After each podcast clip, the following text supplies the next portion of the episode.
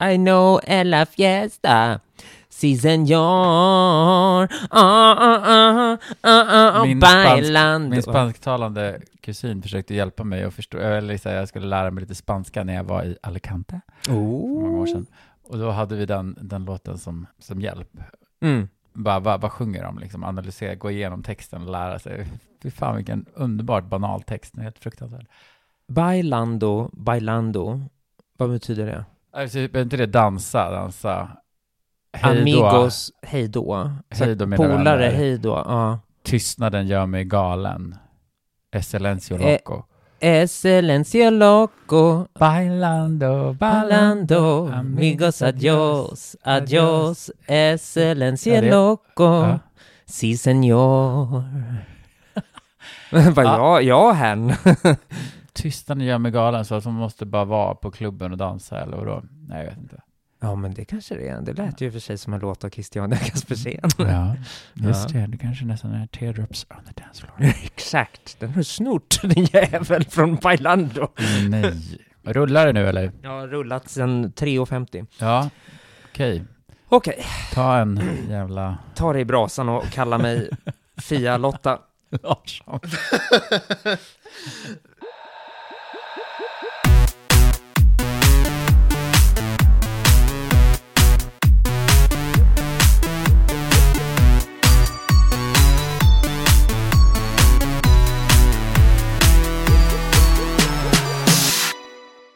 Nämen halli hallå och hjärtligt välkomna ska ni alla vara till Ytspänning som har gått in i sommarsäsongen.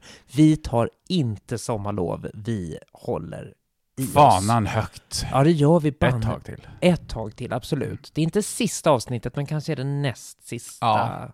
Realistiskt För- sett, ja. Eh, ja, för Mm. sen ska vi åka iväg till Barcelona och Alicante och allt Playa. Ingles. Ja, pa- Playa Ingles. Eh, Je suis. Angleterre. Eh, ja. Eh, ja, du har tagit ur eh, din eh, tandställning här. Ja, enkom för alla lyssnare. Så vi slipper höra smasket. Ja, Berätta nej här men precis. Eh, Ja, men nu vet ni, fåfängan är ju stor. Ja, men mina tänder har börjat flytta på sig allt mer. Det händer väl med stigande ålder. Mm. Eh, för jag har ju tagit ut mina visdomständer för länge sedan, men de har fortsatt att tryckas ihop och tryckas ihop och tryckas ihop. Jaha. Och det blir bara värre och värre. Eh, och sen så tänkte jag också att ju äldre man blir, desto mera trillar ju allt ner. Man ser ju mest undertänderna på, Mm. På, de, i på äldre människor. Ja, Mm. och det var ju de som har blivit, börjat blivit helt galna. Ja. Så att ja, ja, nu har jag börjat köra sån här invisible. Braces. Precis, så det ska jag ha närmaste nio veckorna. Det kanske blir längre, får se. Ja, shit. Alltså hela 22 sommarperioden i timmar om dygnet ska man ha dem i. Ja, och du får inte dricka och käka under tiden. Ja, käka får man inte göra, man får dricka vatten eller något. Ja, Ja. jag har bara druckit vatten med dem i. Alltså det, du, du förstår ju Christian Kaspersen vilken otroligt tråkig sommar du kommer att ha. Nej, för att jag upptäckte idag när jag kollade på en sida, då stod det att man ändå fick, man fick inte dricka rödvin, liksom kaffe, te. Mm. Men det stod, att, det stod ingenting om andra drycker, så hello, vitt vin.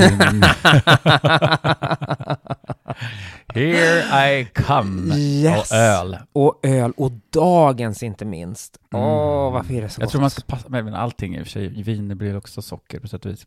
Men kan man Jag inte menar, ta jag ett sugrör då? Jo, precis. Ja. För att man annars så stänger man ju liksom inne, då kan man ju få karies deluxe som man bara Man liksom får in det dess- Ja, under. in i, under så det bara ligger och göttar sådär i timmar liksom. Ja, Helt men precis. instängt. Ja, precis. Inte någon saliv som kommer åt eller någonting. Usch. Nej men usch vad hemskt. Nej men precis, för att invisible braces är ju som en skena i plast som du Ja. liksom har byter. över tänderna. Liksom. Så man byter en gång varje vecka, Ja. mina. Så att det blir, tänderna korrigeras så sakteliga. Åh herregud, vet men då har du ju redan tagit ut dem en gång idag när du käkar lunch. Jajamän, men det gjorde Ja. jag snabbt för att jag visste att jag skulle behöva, för att man får ju lite grann ett liksom, lite svårt med S-ljuden. När man har på sig skenan. Mm. Ah, ah, det är så. Ja. Hur låter det då? då? Ni ska ge oss ett smakprov. Så, men det, går, det är liksom inte sådär så att det blir liksom överdrivet så att, låter, Cerveza. så att jag börjar läspa så här fullständigt. Men, men det är svårare att liksom bilda Mm. vissa ljud och det känns ju lite, ja, det jag skulle inte klara av att kunna tänka mig att jag satt här och pratade med dig där. Det låter ju Mm. bedrövligt. Ja, nej men vi, vi är väldigt tacksamma att du, Väldigt tacksamma. att du tog ut dem snabbt i lunchtiden. Men alltså jag måste ju ändå få berätta om ändå en, om- om det finns några fellow eh, människor här ute som sover dåligt, Mm. så måste jag ju säga att min sömn har förbättrats jävligt eftersom jag inte liksom Ja, för jag, för jag äter inget eh, sent på kvällarna längre, alltså jag äter ju middag. Men jag, liksom, jag orkar inte ta ut, alltså eftersom man bara får ha den ute i två timmar per dygn så, Mm. och jag har sovit så mycket bättre alltså, på sistone. Ja, för jag att du dricker inte bara äter. vatten på kvällarna, alltså efter sent på kvällarna. Du har stängt av för kvällen. Jag har stängt av. Den, den, klockan den stängs vid, ja, vid sex, sju snåret. Ja, men fan vad härligt. Mm. Okej, men eh, då får vi ju inte bre ut oss hur mycket som helst för att du måste ju få in dem där i käften Fan, nu snart. får vi prata jävligt snabbt. Ja, innan dina tänder börjar åka åt alla Ja, möjliga precis. håll här. Nu släpps ut sin tvångströja. Ja, precis. Bara! Nej, men ehm, vi ska snacka pigmentfläckar idag. Det ska vi verkligen göra och det är väl ett jäkligt bra ämne att vi ska prata om det nu när sommaren kommer, det får man väl ändå säga. Ja, absolut. Och vi ska också sen, när vi går in i djupdykningen, så kommer vi att snacka om att gräset alltid är grönare på andra sidan. Eller?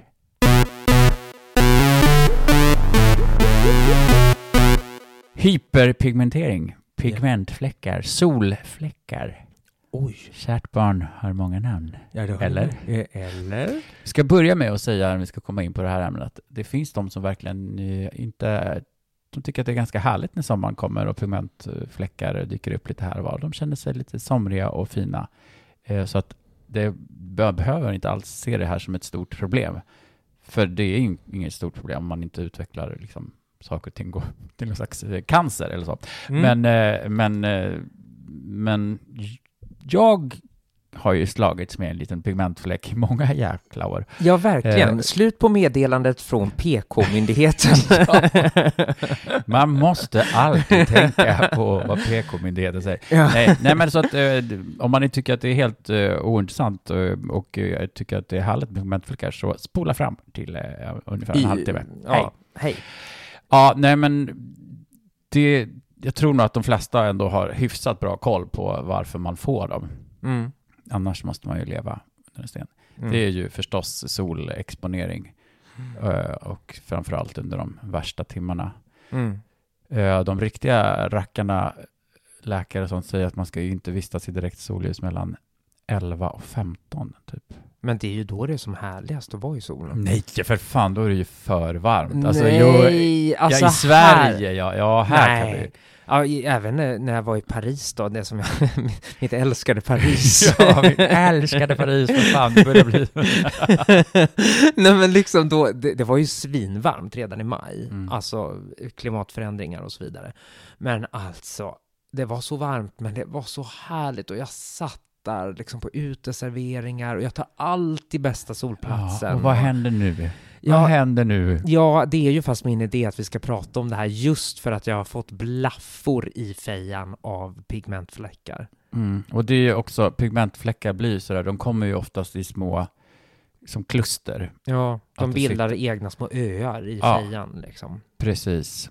Mm. Och det kan ju vara lite problematiskt för att det är jävligt svårt att bli av med dem kan man säga. Ja, Det, går finns, inte. ju, det finns ju dock också pigmentfläckar som många eh, kvinnor kan uppleva och det är ju att det har med hormoner att göra. Mm. Eh, när kvinnor är gravida så ökar liksom melatonin eh, i kroppen så bröstvårtorna blir mörkare och, liksom, och man får mycket mera anlag för att eh, bilda melanin i huden liksom, som Jaha. mörkare. Så att, och även folk som käkar p-piller och så hormoner kan ju få värsta jätte, jättemycket pigmentfläckar. Men de Ah. brukar oftast liksom ändå lite lättare kunna försvinna tycks det som. Mm. I alla fall, ja nu är jag jätteovetenskaplig, men jag tycker man har sett det i alla fall på folk som Ja, det försvinner efter ett tag liksom. Ja, det... medan om du Mm. verkligen bara har fått stora pigmentfläckar av att du verkligen har varit jättemycket i solen under många år så är det lite annorlunda. Mm.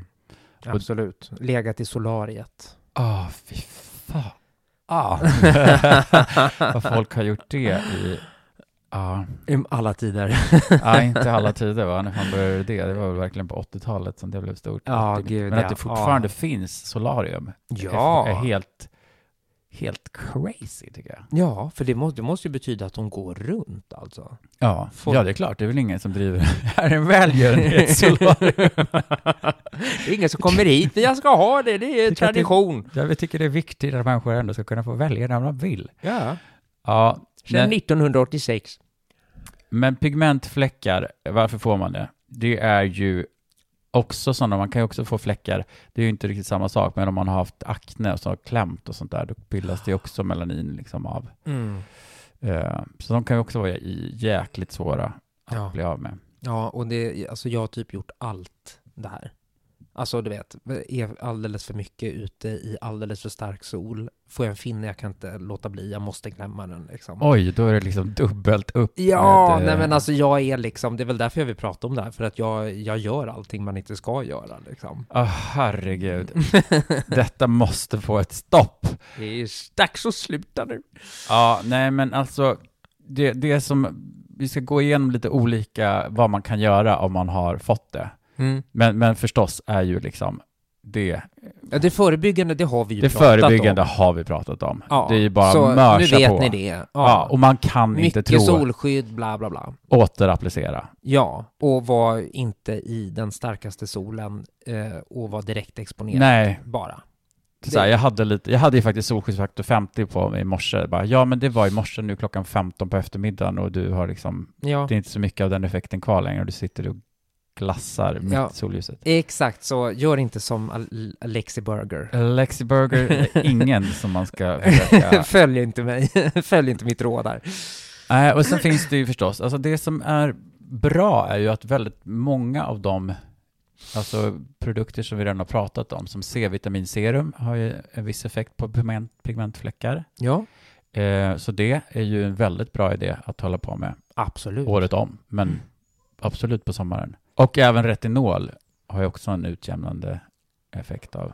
Och sen finns det en massa eh, andra ämnen som liksom sådana här speciella serum för just innehåller. Det brukar vara, vi pratade mycket om hydroquinone, jag vet inte Mm. fan hur man ska uttala det på.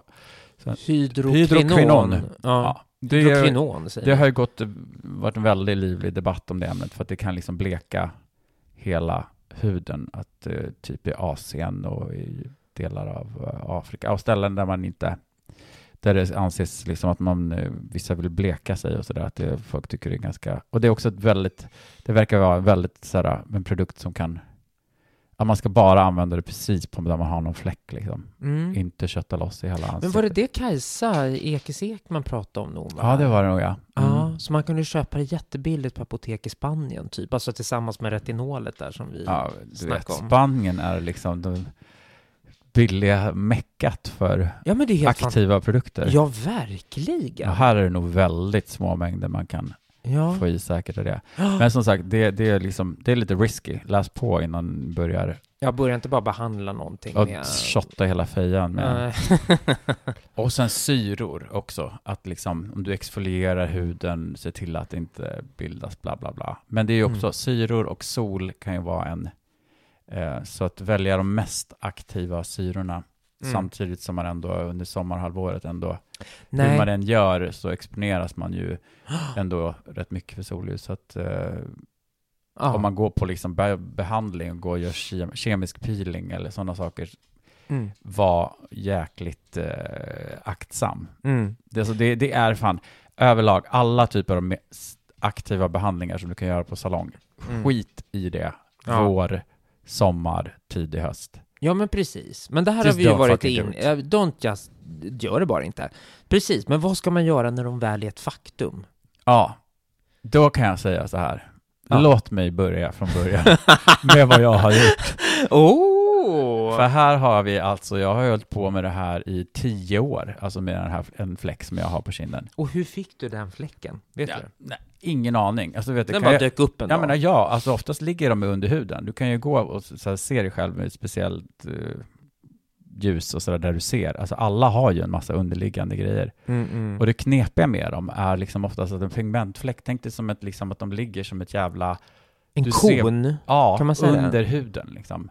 Så att när du, om du tycker att du lyckas bleka lite grann på det här översta, sen så bara papp, papp, papp, papp, papp, kommer det bara upp Det, det är som en sån här Calippo-glass liksom. Ja! Den bara liksom, ja så tar man upp lite till och lite till. Man måste Ja. typ så här bara rycka upp den då. You can't! Det är ju jättehemskt! Ja, det är därför det är så jävla svårt att bli av med den, för om du lyckas bleka precis på den här, men jag menar, huden byts ju ut ändå, alltså det, det finns ju där under. Ja, ja. Alltså för tio år sedan gjorde jag fraxellaser. Mm. Det var ju ganska härligt, för när huden börjar liksom, då, då trillar ju liksom lite hud av efter ett tag. Ja, alltså inte levande hud förstås, utan Nej men döda hudceller. Ja, och då kunde man ju korvar. se att det var liksom lite brunsvart precis runt den där fläcken. Då kändes det så jävla härligt bara, haha motherfucker, gotcha!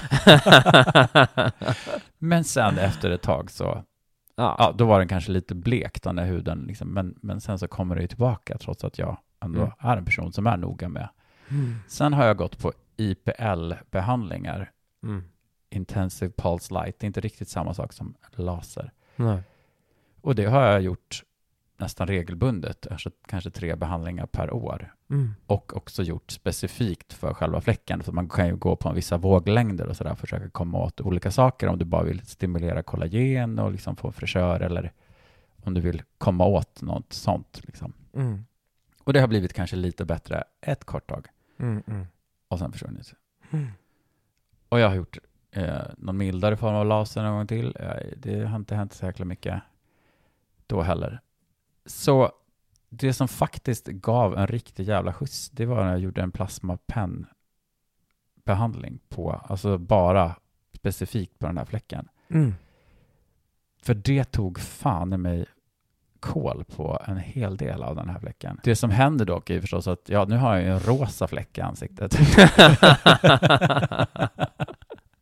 Vad fan, man blir Men, aldrig ja. av med det. Nej, liksom. men nu efter, nu är det kanske, nu är det fan snart fyra månader sedan jag gjorde den. Mm, ja, men jag tycker inte den syns sådär Ja, den jättemycket. har blekts ur rejält. Verkligen. Och nu är jag sjukt noggrann. Alltså jag går, när jag går från eh, hemifrån på morgonen har jag liksom SPF 50 Mm. eller 30 och sen så har jag spray med faktor 50 som man kan spraya på under dagen innan jag går ut någonting igen. Jag lägger på specifikt där så att jag är verkligen svinnoga. Mm, mm. Att bara nu har jag lagt ner jävligt mycket pengar på att bli av med den här jävla fläcken. Ja, så nu ska den inte komma där i alla fall igen. Nej, det måste jag faktiskt säga att det var en, en plasmapennbehandling som var den. Okej, som är grejen alltså. Tydligen. Ja, jag sa det. Jag höll på när jag var på den behandlingen. Hon bara, nej men den här kommer att ta. Jag bara, oh, that's what you all say. Men alltså då undrar jag, vad, ska jag göra åt mina konstiga blaffer som jag tycker jag har fått liksom? Alltså jag har ju fått som en så här liten mm, Sovjetkarta här liksom, alltså mitt Hon i... pekar i pannan. Ja, pekar i pannan. Och så nu har jag liksom börjat se så här, alltså väldigt... kreta där uppe. Ja, det är kreta är här uppe vid hårfästet liksom. Och så på mina höga eh, ställen Mina på... otroligt höga kindben. Ja, på mina otroligt höga kindben, där har jag ju också fått som så här små öar som ligger, liksom som Stockholm då kanske det är då, Mm. här nere.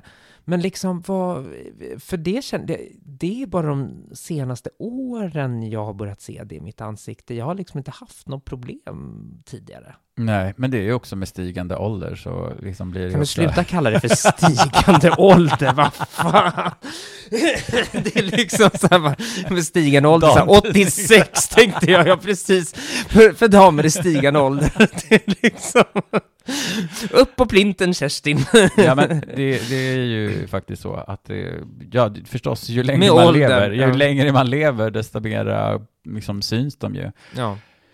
Och, så, men sen, det tror jag också att vi har nämnt någon gång förut, att när man har kollat vad som gör att man uppfattar folk eh, ser äldre eller yngre ut, så var det inte så mycket själva, själva rynkor det handlar om, utan också att en jämn hudton var liksom det som gjorde att folk Mm. uppfattade som...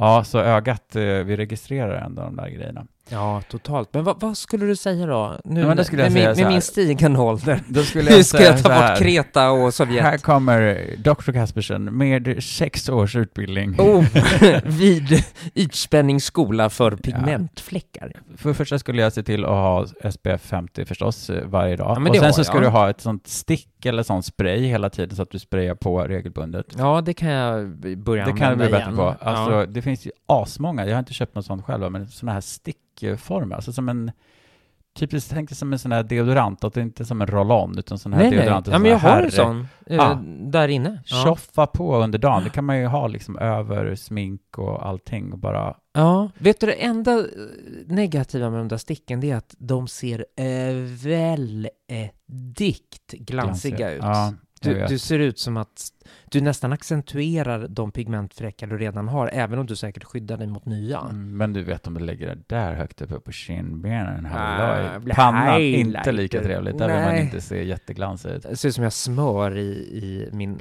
annars också väldigt manliga, maskulina, stora, feta panna. Oh, oh, sluta, kommer snart. Nej, ja, ja, men- okej, men det här är ju också då förebyggande, doktor Kaspersen. Vad ska jag göra åt de här? Du Ja, menar men jag ska sen- köra plasmapenn? Ja, men sen... Det du- är vad du ser åt mig. Alltså jag faktiskt ska ärligt säga att plasmapenna är ingenting som jag har läst om förut speciellt mycket skulle vara någonting som var väldigt bra för det här. Mm. Men tydligen. Mm. Men eh, jag menar, jag tycker du ska bara kötta på och se till att undvika solen under de här timmarna som jag pratat det om. kommer jag inte kunna. Det kommer du visst. Du kan Nej, men sitta, alltså, ligga lev- i skuggan, lägg ut med benen och låt dem få lite sol. Åh. Och så håller du undan ditt face. Nej, vet du vad? Vet du vad jag har börjat tänka för, för någonting? Det är Bara liksom... och slösa är här. Vi, vi, De är igång, nu är vi verkligen igång. Nej, för nu säger Slösa så här. Alltså nu har jag min redaktör på eh, en tidning som jag jobbar för som medarbetare på frilansbasis gick nyligen bort eh, och hon var en kompis och sådär liksom. Och, Mm. Så att det var ju verkligen så här... Eh, ja, det var väldigt tråkigt. Och innan dess så gick min faste bort också. Eh, som jag inte kände jätte, jättebra. Men eh, längre, eh, när jag var yngre, ja, inte så mycket nu senaste tio åren sådär liksom, men man har ändå minnen och de har funnits där sedan man var liten och sådär. Alltså jag bara börjar känna så här, alltså liv, det är så jävla förgängligt. mm. Alltså du vet så här, plötsligt en dag är man borta bara. Och så ska man aldrig mer finnas. Det, du vet ju det, vi ju, Mm. har ju åkt kryssning du och jag för inte så länge sedan. Mm. Och eh, det var... eh, Jag pratar ju hela tiden om det här. Min dödsångest på, Mm. på kryssningen. Men liksom, jag bara känner så här... äh, Nej men, jag tycker det är så härligt att sitta i solen. Ska jag inte få göra det då? Alltså det lilla korta liv jag har. Mm. Ska du ta det ifrån mig? Är det det du säger? Är det det du säger? Nej, fan det är klart att det, det finns en balans där med allting. Jag menar det är klart att man ibland så är det ju skitjobbigt. Jag minns någon gång när du och jag hade varit, haft en härlig, varit på någon härlig fest och sovit över inne i stan. Och så gick vi ut och så bara gick vi förbi ett apotek. Eller nej, jag hade någon liten SPF med mig eller något sånt där. Nej, vi köpte. Ja, vi köpte någon. Ja. Och sen så låg vi liksom bara, gick ner, bara köpte med oss någonting och, och dricka och bara la oss och bara det badade var och ju solade en hel dag. världens mysigaste dag. Ja, och jag var, kände mig så här, gud jag är så lycklig. Jag vet, För att jag kände också att jag exakt släppte så. lite på min självkontroll. Då Ex- SPF. Ja. Så att ja, nej men det är klart att man, men jag tänker, ja, Ja, om vi nu, kanske- okej då, om vi pratar eh, pigmentfläckar så är det inte bra. nej, inte under de där allra, solen står som högst och liksom, Ja, Ja. Men eh, slösa kan absolut kompromissa med att säga att jag inte tycker att det är bra. men när jag väl har fått dem, ja, då är det, det är plasmapenn vi snackar alltså. Ja, alltså jag tycker ju att det var jäkligt bra. Det finns ju en massa kemiska peelingar. Det har inte jag provat så mycket, sådana rent eh, på salong faktiskt. Nej. Men det sägs ju ska vara väldigt bra. Mm. Det finns riktigt bra behandlingar med det. Är det någon speciell då, eller man bara säger hej jag har pigmentfläckar, jag vill få bort dem, har du kemisk peeling? Typ ja, så. absolut. De kan ju köra olika styrkor och märka hur, hur den reagerar och hur hårt de kan dra på liksom. Mm. Men, och sen så laser kan jag också, men jag som sagt de två laserbehandlingarna som jag har haft så har jag inte tyckt att det liksom långsiktigt har gett så jättemycket just för Nej. pigment. Nu liksom, jag har ju, det är ju en stor och sen har jag ju lite mindre så här, men, men de tänker jag inte lika mycket på förstås. Nej, Man nej för de mer ser på- inte jag i alla fall. Nej. Här och nu. Nej, men jag tror, alltså jag tycker ju plasmapenn var jävligt bra överhuvudtaget. Mm. I fucking love plasmapenn. Mm. Jag kan inte vänta tills det blir eh, liksom Lite sen kallare. höst och jag ska Ja. fräsa på det där på ögonlocken igen. För jävlar anamma, det var härliga grejer. Just det, det var det som gjorde att din blick lyftes Ja. något så vansinnigt mycket. Ja men alltså fy fan, det var ju skitbra. Alltså verkligen. Mm, och det tajtar ju till huden för det liksom, det gör ju små mikroskopiska kanaler liksom som bara zup, drar ihop sig. Just det. Tajtar ihop, hjälper till med pigmenteringar. Mm. Har inte, jag menar, du måste ju sköta dig runt omkring det. Du måste ju, då måste du ju verkligen undvika. Då kan du ju inte åka ner till playan liksom några dagar senare. Då Nej. ber du ju om det. Liksom. Men Ja, absolut. Nej, men det där kommer jag ihåg när jag gjorde min eh, hårborttagning med diatermi. Man Mm. tog bort med ström rakt ner i hårsäckarna. Liksom. Mm. Då hade, man gick också omkring då med röda prickar i hela ansiktet och jag fick så här typ björksav, alltså du vet sådär att lägga på, mm. eh, som hon sålde då, någon sån naturmedicin för att det skulle svalka och läka snabbare och sådär. Liksom. Då var det ju också så här, ingen sol liksom. nej. Alltså går du ut i solen med det här, du permanent, alltså du, du kommer gå omkring med röda prickar för resten av livet. Så att då var jag ju jättenoga. Mm. Så. Mm. Nej men så jag, jag tycker att du ska eh, inte satsa på några behandlingar i sommar. Jag tycker du ska ha ett C-vitaminserum, jättemycket SPF, kötta på och sen kanske ha en liten brun utan sol så att man ändå inte känner sig sådär, Mm. några sådana tanning drops Mm. bara för att man inte ska känna att fuck så här. För det kan ju ändå hända ibland att man bara oj men nu börjar mitt face vara så här Ja. Två nyanser ljusare än kroppen. ja, en benen då som jag har Ja. unnat lite solljus. ja, den är lite tråkig. Så det kan man ju Ja. bara jämna ut lite grann. Ja, nej, men jag har ju den här från James Reed som jag köpte förra sommaren. Den har jag också vet du. Ja, den luktar jättegott faktiskt. Det luktar Brukar- lite så här masculine. Ja, det, ja, det tycker jag också. Mm. Det är lite så här uh, pour om, uh, Mhm. På om. uh, pour om, oh, gud, pour om, oh, Ah, gud, om. vi älskar det. Lom. Ja. Eh, ja, nej men eh, stå, sitt still i båten och bara skydda, skydda och bara försöka se till att det inte blir Mm. Och är du som jag, att, att du kan inte låta bli, ja men eh, ha lite SPF och solskydd och sen får du hoppas på Ja. det bästa med plasmapenna. Ja, men bara återapplicera det ofta som fan. Ja, För det tar inte så många minuter nej. och bara kleta på ett. Kleta, Greta. Det. Ja, men det var, det var hela eh, behandlingar, tankar. Solskydd har vi pratat om förr, så att eh, det har vi några små tips på, några produkter om man är nyfiken. Ja, men precis. Får man titta, inför förra sommaren Ja, så hade vi ett snackar vi. jävla, oh, gud vad vi höll på. Ja, precis. Kolla, det är alltså då inte förra säsongen utan det är förrförra säsongen om man ska gå Mm. tillbaka. När det närmade sig juni, Mm. där maj-juni. Mm. Där snackar vi en jädrans. Ja, men det är ju sjukt bra, för det händer ju extremt mycket när det kommer till solskydd.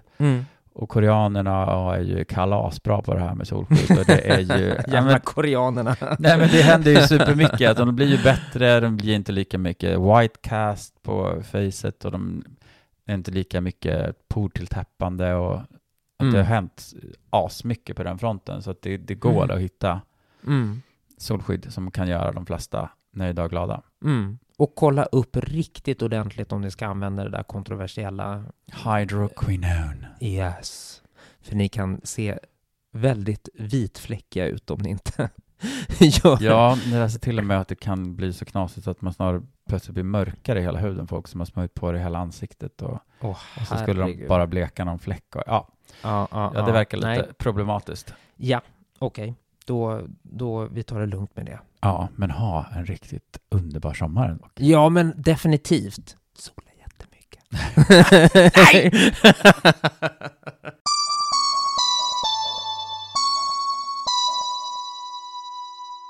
Det är nu vi åker hissen ner i vanlig ordning i vår lilla ytdjup spännings Mm, vilket fiffigt koncept vi hittar på. Ja, oh, vi, är så, vi är så otroligt eh, Unika, un- originella, fantastiska. på alla sätt och vis. Eh, nej, men djupdykningen den här veckan kommer att handla om ambivalens. Och det hämtas rakt ur djupet på Lexi Burger. Mm. För jag tror att jag är den mest ambivalenta människan i världen. Jag är aldrig nöjd där jag är. Mm.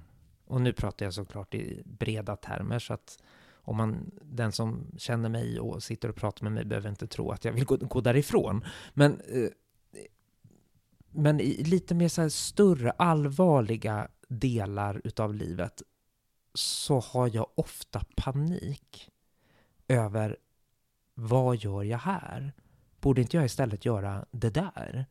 Mm. Som till exempel, jag är jag har hållit på med teater hela mitt liv. Jag är utbildad till skådespelare. Jag har varit på stora teatrar. Jag har varit på små regionteatrar. Jag har varit på länsteatrar. Och det var liksom planen för mitt liv. Liksom. Mm. Och så bara fick jag ett ryck 2013 och bara, jag ska läsa journalistik. Jag ska bli journalist. Mm. Och så gör jag det. Och så började jag jobba för, alltså det var som att jag hade erövrat ett yrke och så skulle jag erövra ett till. Mm. Nu ska jag ha det här yrket. Och sen hamnade jag helt plötsligt i ett läge där det inte bara var kul längre, utan jag var tvungen att välja. Eller känner mig Mm. tvungen att välja. Liksom, ska jag vara journalist och gå all in med alla, för det, alltså det här är ju två olika yrken med två olika normsystem och två olika ja, men sätt att vara Mm. på toppen på. Man strävar ju som människa ofta att få vara med de stora och coola och sådär liksom. Alltså, let's Mm. be honest. Mm. Och då hamnade jag i ett vägskäl där jag känner att jag befunnit mig rätt länge nu. Liksom jag har tänkt så här, nej men gud, jag kan liksom göra, jag har två yrken, jag kan liksom pendla, la la la, liksom. Men någonstans så bara hamnar jag i det här, nej men jag, nu, nu, nu måste jag välja. Och då blir det som att, att liksom, om jag håller på med något konstnärligt så tänker jag, nej men det här är inte rätt. Jag gjorde rätt när jag pluggade journalistik och då hoppar jag över dit. Mm. Och så sitter jag och skriver. Och liksom... Och det har ju hänt flera gånger att då får jag ju skriva om mina kollegor. Alltså jag hamnar på så här... eh, Men när jag skriver för den fackliga tidningen, för fackförbundet Scen och Film till exempel. Så där, då får jag sitta och skriva där och kanske intervjua kollegor och bara ah, “Tjena Alexa, hur är läget då?” “Jo, men nu ska jag prata om dig” sådär. Liksom, nu ska jag skriva om dig. Och då tänker jag Nej men gud vad kul det där låter nu. Nej men det, det, nej jag hade nog rätt, jag ska nog vara skådespelare. Och så håller jag Mm. på sådär Mm. fram och tillbaka. Och det här kan jag liksom hitta även i andra delar, inte bara i yrkestitlar och identiteter, utan Mm. vad ska vi säga, låt oss säga att jag är på en semesterresa då. Och bara, ja men det här är ju skönt, men gud vad kul det ska bli när jag kommer hem och åh, jag får tillbaka min hund och liksom åh, åh vad jag längtar efter att bara få ha en så här, åh, myskväll för mig själv och du vet, sitta och titta på Netflix och där. Och så kommer jag hem och tittar på Netflix och bara, men gud vad härligt vi hade det på den där resan. Alltså förstår du? Mm. Jag är aldrig... För, och, och, så fort jag är någonstans, då vill jag någon annanstans. Mm. Och när jag är där, då vill jag tillbaka till det andra. Och så undrar jag, men då är jag, jag är ju aldrig i nuet. Mm. Då. Kan du känna igen det här jag pratar om? Ja, men mindre och mindre tror jag ändå. Mm. Jag tror att jag har haft mycket mera. Jag har alltid haft väldigt sådär, nej men jag kanske egentligen borde göra det här.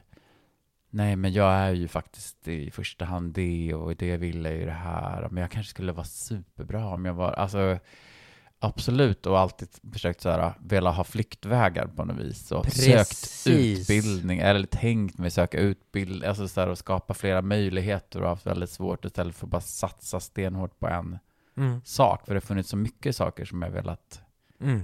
göra. Och Mm. ibland känns det som att fan, om jag bara hade satsat allt på ett kort hade jag liksom varit mera framgångsrik och liksom Mm. inom det istället för att jag har velat göra så mycket olika saker. Men jag har en fråga till dig. Mm. Finns det tillfällen i livet då du står rakt upp och ner och är i det du gör och känner att här är jag fullkomligt tillfreds så här kan jag stå hur länge som helst? Ja, men jag skulle ju säga att det är stunder. Mm. Det är inte liksom, vi pratar ju inte om så här, det är, inte ett, det är, som, det är väl som med lycka liksom. Det är väl någonting man känner en kort stund på något vis. Mm. Och sen så är den känslan borta. Ja. Och då bara längtar man till nästa stund. Ja, Fy fan.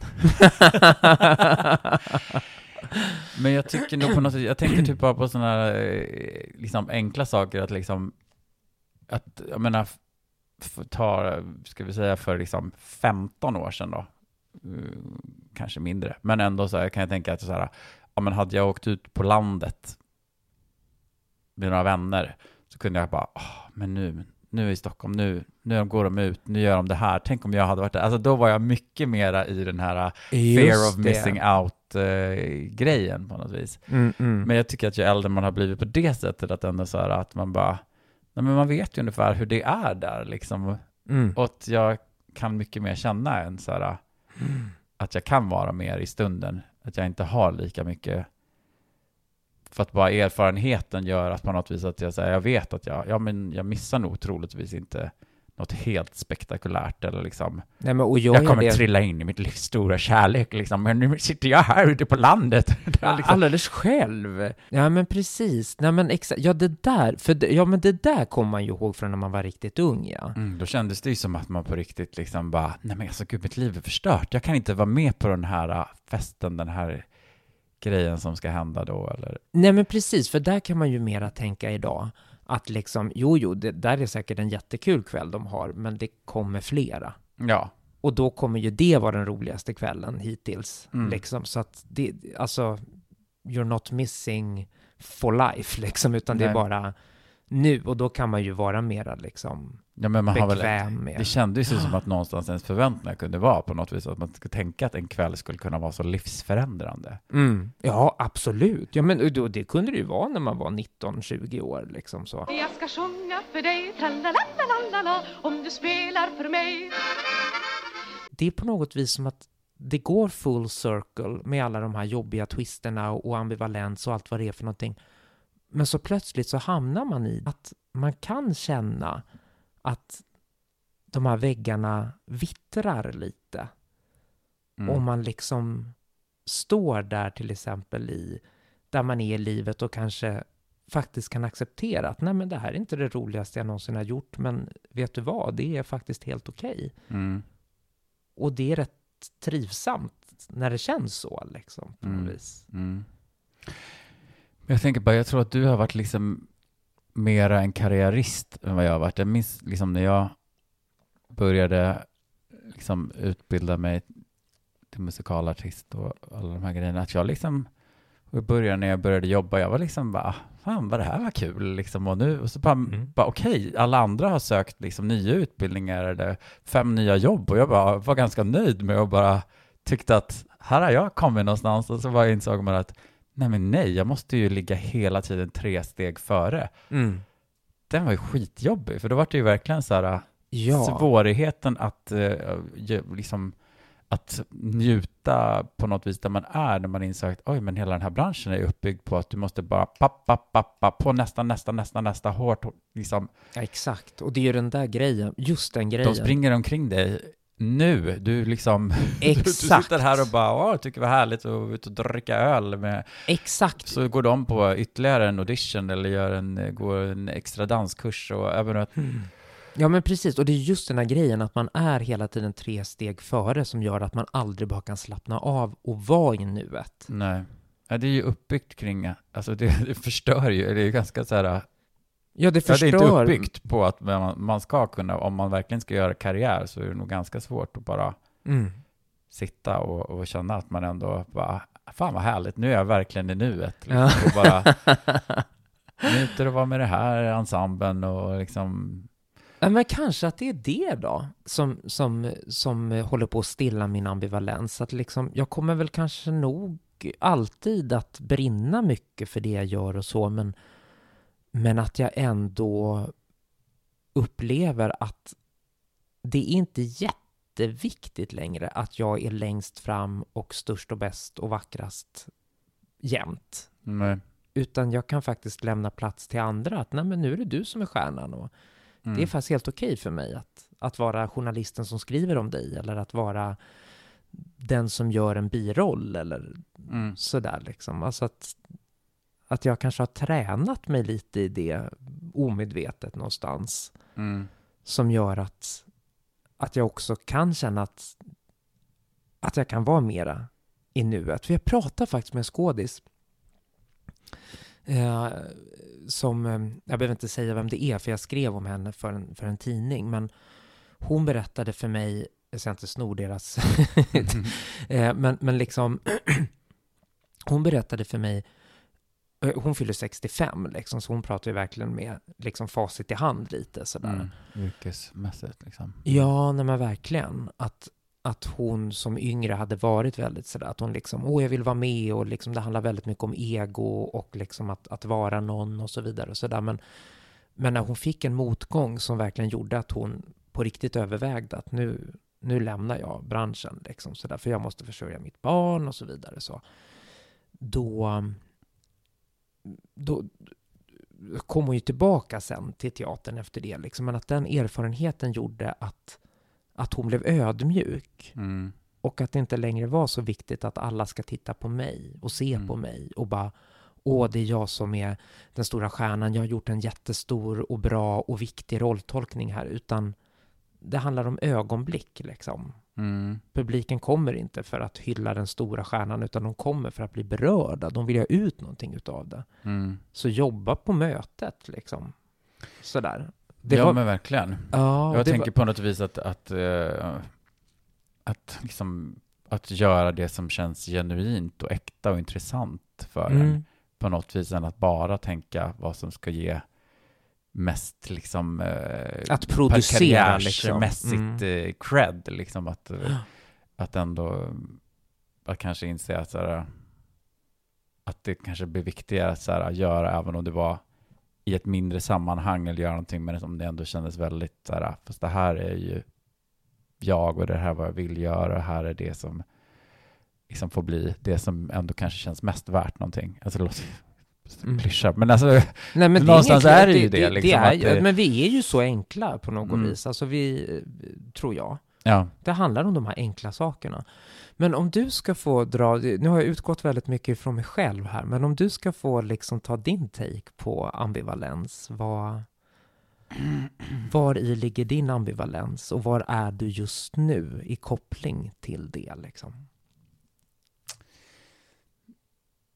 Ja, men jag tror att jag är på en plats där jag börjar känna att jag inte längre, vilket ju, ibland är det ju ändå skönt med liksom begränsningar.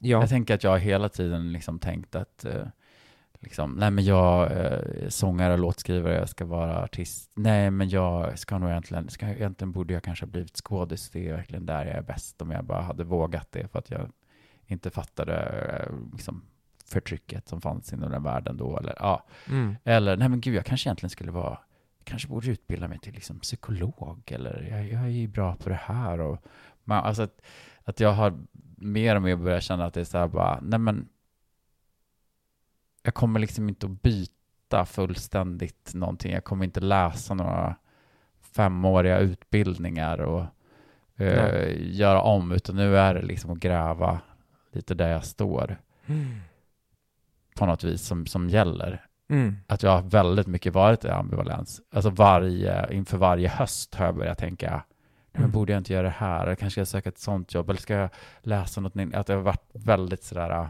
Mm. och det börjar liksom, Att byta liv liksom. Ja. Här, när, när ska det riktiga livet börja? Lite så liksom. ja, alltså där jag verkligen ska hitta min fullständiga plats på något vis. Och, och det tror jag liksom har bara, jag tror att jag känner väldigt mycket att jag har liksom hittat min grej ganska mycket att liksom skapa min egen musik där jag fullständigt är liksom i kontroll över vad musik och hur det ser ut och liksom att det är väldigt så här, det är väldigt genuint. Jag är inte uppe på topplistorna och slåss, men det är liksom jag och det är eh, där är jag kreativ och sen så liksom kan jag jobba som musikpedagog och liksom eh, få ett eh, levebröd och sådär också där jag liksom klarar mig ekonomiskt bättre. Men Mm. men att... eh, Alltså jag är liksom inte alls lika mycket i sådär Mm. ambivalens, göra om mitt liv, starta helt nytt från början. Mm. Jag menar när man var yngre och så här, "Gud, jag kanske bara borde byta stad helt och bara... Jag har alltid drömt om, eh, jag drömde ju om USA när jag var barn. Tänk om jag liksom skulle åka dit eller tänk om jag ska vara i ja men du vet, alltså det där har det känts också så här, så man skaffat, jag har ju skaffat barn liksom och knutit mig själv till en plats, så jag har ju verkligen så här dusch, dusch, dusch, snävat in mitt liv väldigt, väldigt mycket. Visst, absolut. Ja, och det är ju en blir- rädsla att göra det. Alltså det är ju ändå en så här, nu binder jag upp mig. Jag menar, Men förstås. där har du ju knuten, tycker jag, till Mm. ambivalensen. Att Mm. det är ju, så fort man håller på att cementera, mm, det är då man liksom som allra mest är benägen att skjuta ut mm, sig själv igen. Mm, Och jag tror väl att det är någonstans i det som jag försöker göra upp med. Liksom så. Mm. Även om jag, jag är inte riktigt där ännu, att jag bara kan känna att nej, men nu, nu har jag ramarna för mig här och sådär. Mm. Liksom. Jag håller fortfarande på med det där. Ska jag vara journalist? Ska jag vara skådis? Och, och sådär. Men för jag tänker när du pratar, för att jag, vi, vi pratar ju med varandra, men annars, så brukar jag ändå säga att jag tycker inte att det behöver vara liksom på något sätt, jag tycker ju att du kan absolut vara båda två, och att det finns ju ändå, det finns ju absolut beröringspunkter, även om liksom scenkonst och journalistik är väldigt olika, så är det inte Mm. konstigt att vara en människa som vill undersöka och gräva och liksom berätta om och sådana saker. Men jag kan förstå på ett sätt vad du menar, att om du verkligen vill vara liksom spjutspets eh, Mm.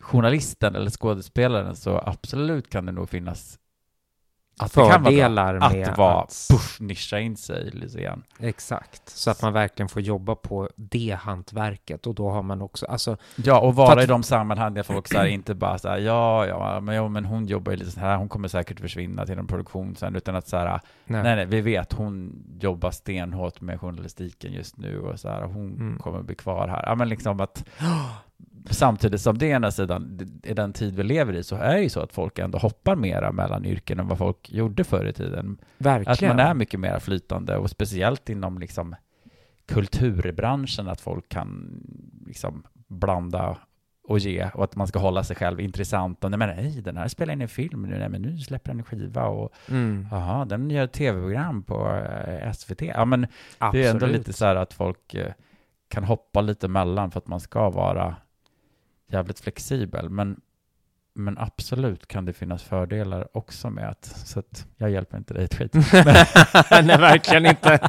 Nu, det, är- det är åt ena hållet och åt andra hållet. Ja, nej, men, Men- eh, visst, men vill man, vara, vill man vara riktigt jävla i spetsen i liksom, Mm, ja, då kan det nog vara bra att välja lite. absolut. Om man nu vill vara det. det ja, jag- det är det. Vill man vara det? Är det det viktigaste? ja, Eller är det det viktigaste att få följa liksom, för att jag menar det ena föder det andra när man har gjort en sak väldigt mycket så kan man ju bli sugen, men nu skulle jag nog vilja kliva, nu är det inte lika viktigt för mig att stå på scen, jag skulle mera vilja Mm. liksom, skriva eller regissera eller vara journalist. Eller liksom, det kan ju Mm. också ge, ge till varandra att ha liksom någon slags växelverkan i sitt liv och karriär. Att det, så är det väl alltid, det är som en pendel Ja, slår ju. Det är verkligen, alltså det har gett mig så mycket som konstnär att liksom inte vara ständigt exponerad för en publik eller ett, eh, en yrkeskår som hela tiden ska välja en sådär liksom. Jag märkte det, jag spelade in en, en liten, eh, eller ett kort avsnitt, eh, Streams heter den, den går, finns på SVT Play nu. Eh, spelade jag i ett avsnitt så spelade jag en så här boss queen, liksom power queen eh, Mm. kallades hon för. Som då är liksom power king, men för kvinnor power queen.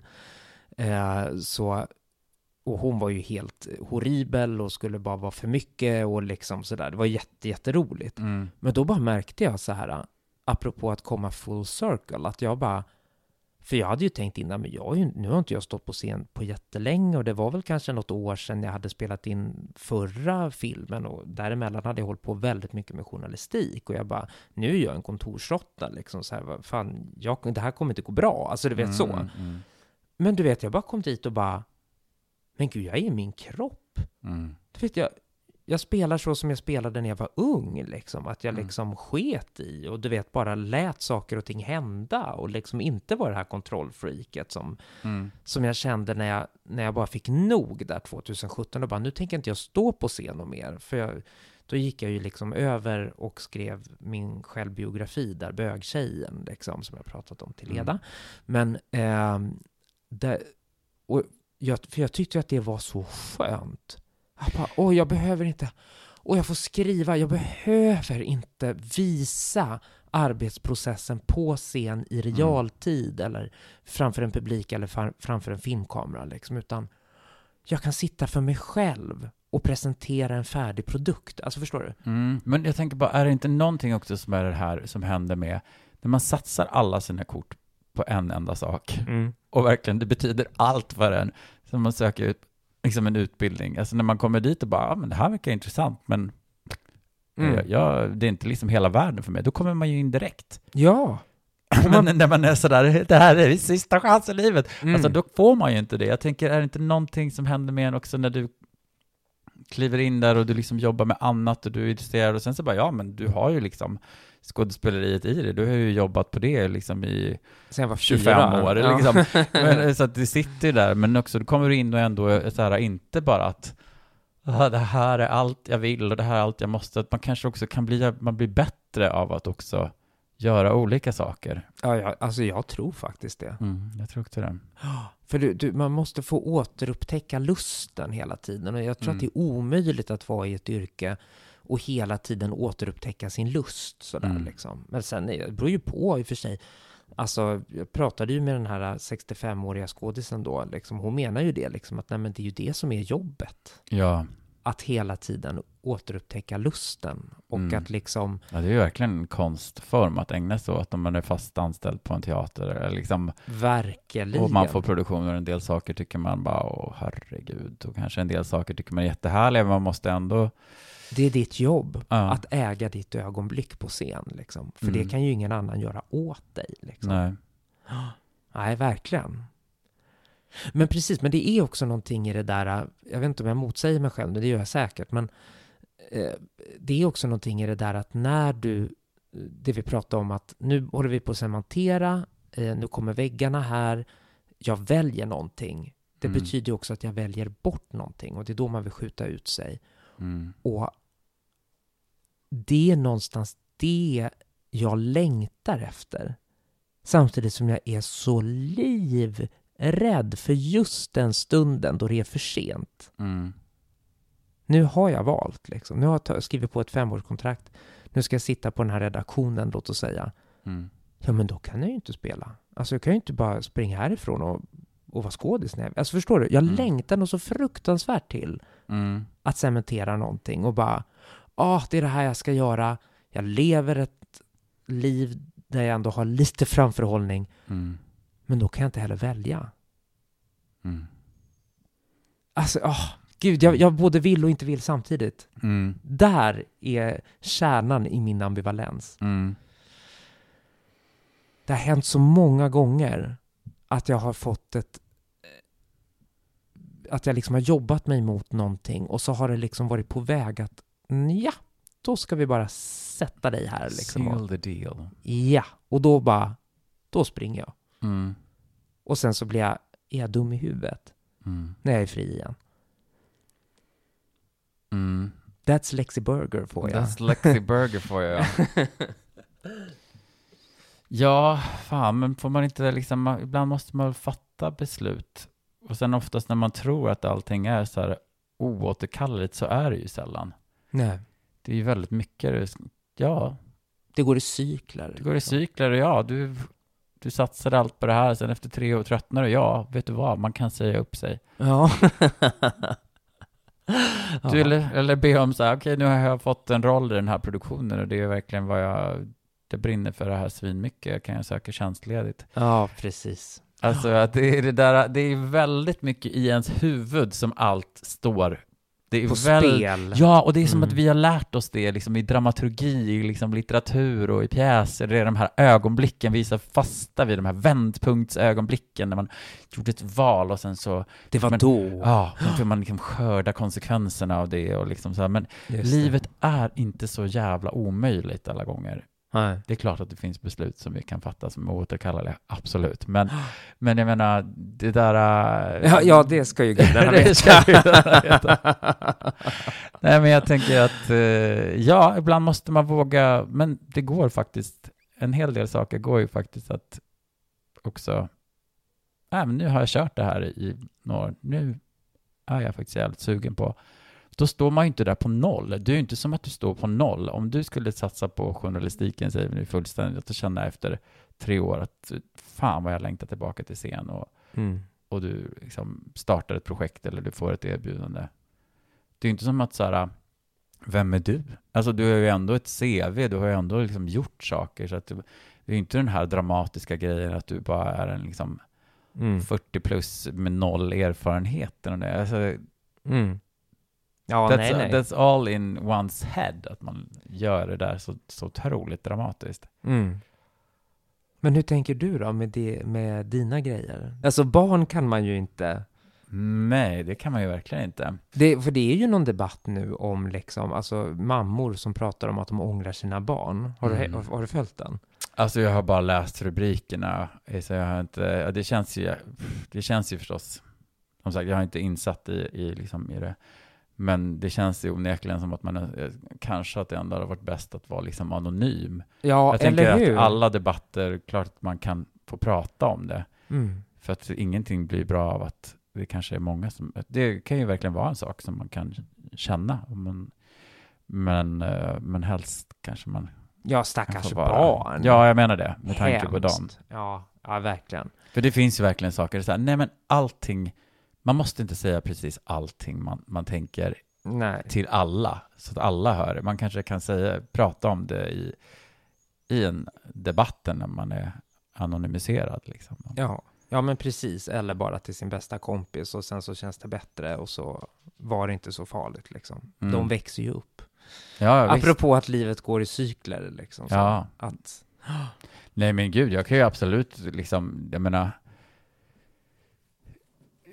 det, ibland kan man ju komma på det, bara, ja men gud, ja men fan, jag skulle också kunna tänka mig att bara, tänk att ha liksom en, eh, en lägenhet i Barcelona och liksom bara så här leva, liksom, alltså nu pratar vi verkligen så här långt i framtiden, att man sådana så här pensionärsliv här liksom. ja. Så bara, just jag har ju barn, ja men de är ju vuxna då i alla fall liksom, då är de mm. stora. Jo men precis, det där har ju min morsa pratat om hur länge som helst. Att när Mm. jag blir gammal då ska jag ha ett hus i, på Mallorca eller vad det var någonstans, Torrevieja eller Ja, någonting. jaha. Fy fan vad trevligt. Men det är, jag undrar ju dock, bara så här, för jag får ju också den här bilden av att jag ska liksom så här, ja, men då, har, då är jag liksom, då är jag så pass gammal och liksom eh, känner mig så off market, liksom, att jag bara så här, kan trivas med att sitta där i min lilla lya och bjuda över lite vänner på lite kallt vin och en liten god mat och Oh, traska ja. i strandbrynet och göra lite, lite jumpa och Alltså, åh. ha en bokcirkel. Men Det- jag undrar, jag undrar verkligen så här, är det verkligen den jag är? Den, den här personen har ju inte visat sig så mycket än, men jag har Nej. slags, det här vi åter tillbaka till den här drömbilden man har av sig själv, som att man plötsligt, så här, plötsligt är den här perfekta pensionären.